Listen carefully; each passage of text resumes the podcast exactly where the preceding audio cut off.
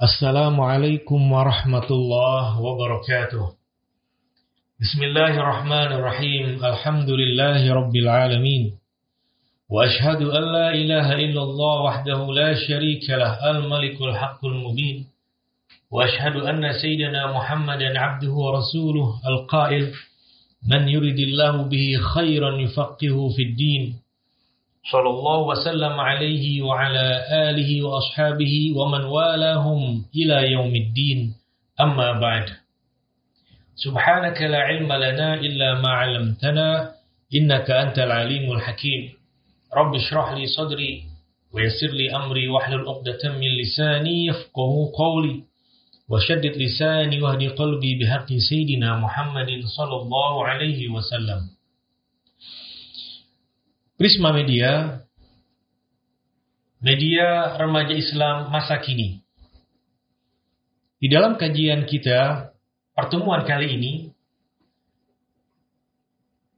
mengangkat sebuah tema, apa hukum berkurban? Apa hukum berkurban? Dijelaskan di dalam beberapa referensi buku-buku fikih disebutkan di sana hukum berkurban itu adalah sunnah muakkadah. Sunnah muakkadah yang mana Rasulullah SAW tidak pernah meninggalkan amal sunnah berkurban. Dan nanti kita akan bahas secara terperinci mengenai hukum-hukum beribadah kurban. Sebelum kita bahas ke sana, kita lihat bagaimana pendapat dari Imam Syafi'i radhiyallahu anhu. Beliau memberikan sebuah statement mengenai hukum berkurban yang berkaitan dengan seseorang apabila dia mampu untuk berkurban tapi tidak mau berkurban. Al-Imam Syafi'i radhiyallahu anhu berkata, "La urakhis fi tarkiha liman qadara 'alaiha falaysat biwajibah bal hiya afdalu min sadaqati tatawwu' lil ikhtilaf fi wujubiha. Imam Syafi'i menjelaskan, dalam hal ini bagi orang yang mampu, saya tidak akan memberikan keringanan bagi dia. Tidak ada suatu hal yang bisa memberikan dia keringanan apabila dia mampu untuk melakukan ibadah kurban tapi tidak mau melakukannya. Imam Syafi'i bilang saya la urahis saya tidak akan memberikan keringanan dalam hal ini. Ya memang tidak wajib. Imam Syafi'i mengatakan memang tidak wajib. Ya pada hukum dasarnya. Ya sekalipun memang lebih afdol ibadah kurban daripada sedekah-sedekah yang sunnah yang lainnya Ya, Imam Syafi'i, Masya Allah. Ini memberikan sebuah motivasi buat kita. Apabila kita memiliki keluasan rezeki, maka ibadah kurban hendaklah kita upayakan. Prisma Media yang berbahagia. Ada beberapa ulama menyusun mengenai rincian dari hukum-hukum ibadah kurban yang kami kutip dari kitab Ad-Dahwah fi Ahkamil Udhiyah di sana dikatakan ahkam al-udhiyah salata. Hukum berkurban itu ada tiga. Ya kalau dikatakan al-udhiyah itu juga perkataan uh, sinonimnya, persamaan katanya an-nahru Ya, juga dikatakan berkurban juga atau kurban sama. Hukum berkurban secara rinci ada tiga bagian. Yang pertama, sunnah ainul munfarid. Sunnah ainul munfarid artinya setiap daripada orang-orang muslim ketika hari raya kurban pada tanggal 10 Dzulhijjah sampai hari tasyrik maka sunnah bagi setiap orang untuk melaksanakan ibadah kurban. Ya. Bagaimana memaknainya?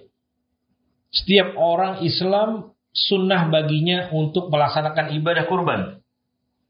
Nah, ini kalau bisa mencapai lima syarat. Setiap muslim yang mereka ya memiliki lima syarat, maka sunnah baginya untuk melaksanakan ibadah kurban. Syarat pertama, kaunuhu musliman. Pertama, dia harus muslim. Kalau kafir, dia bukan muslim, maka tidak disunahkan untuk beribadah kurban. Sebagai contoh, kita di masyarakat yang heterogen. Mungkin saja tetangga kita, mereka ada yang non-muslim. Tetapi ketika melihat ya bagaimana syiarnya ibadah kurban ini, maraknya terlihat sangat syahdu, sehingga tertarik baginya untuk berkurban. Ya, apakah dia disunahkan? Tidak, karena dia bukan muslim. Syarat yang kedua, balighon. Bahwa muslim yang disunahkan berkurban, dia sudah dewasa. Kalau masih di bawah umur, tidak disunahkan untuk melaksanakan ibadah kurban. Itu syarat kedua. Dia sudah mencapai usia balik. Syarat yang ketiga, kaunuhu aqilan. Ketika disunahkan berkurban, maka di saat itu dia adalah orang yang secara rohaninya sehat. Artinya akalnya sehat. Bukan orang yang memiliki keterbelakangan secara mental. Kalau dia sehat akalnya, maka disunahkan baginya untuk berkurban. Yang keempat syaratnya kaunuhu horron saat pada hari raya kurban, dihukumi seorang sunnah berkurban kalau dia tidak terikat dengan yang namanya perbudakan. Artinya dia orang bebas, merdeka, tidak terikat sedikit pun di dalam sisi kehidupannya dari perbudakan. Ya zaman sekarang, ya, perbudakan sudah tidak ada.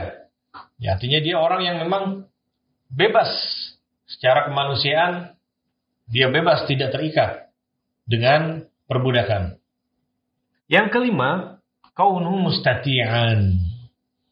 Dia saat itu adalah orang yang sudah mampu. Jadi lima syarat ini, Prisma Media yang berbahagia. Yang pertama, Muslim. Yang kedua, balik, usia dewasa. Yang ketiga, dia sehat akalnya. Yang keempat adalah orang yang merdeka secara manusiawi. Dan yang kelima, dia adalah orang yang mampu.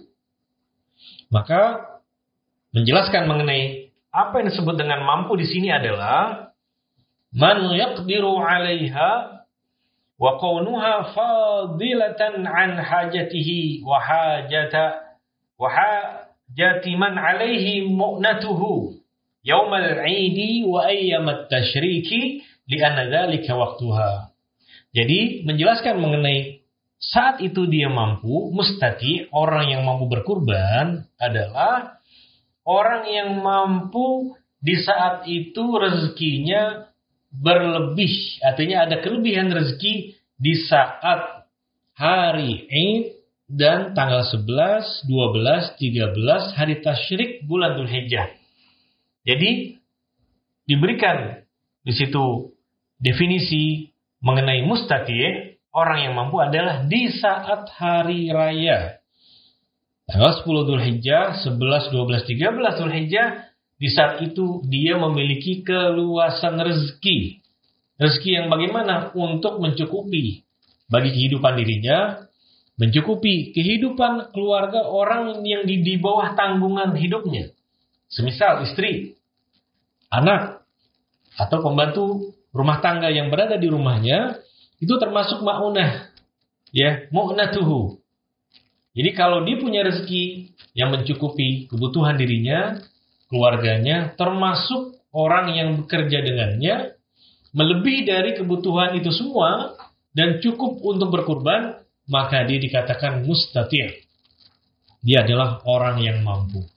Nah, inilah hukum berkurban. Yang pertama, sunnah ainul munfarid.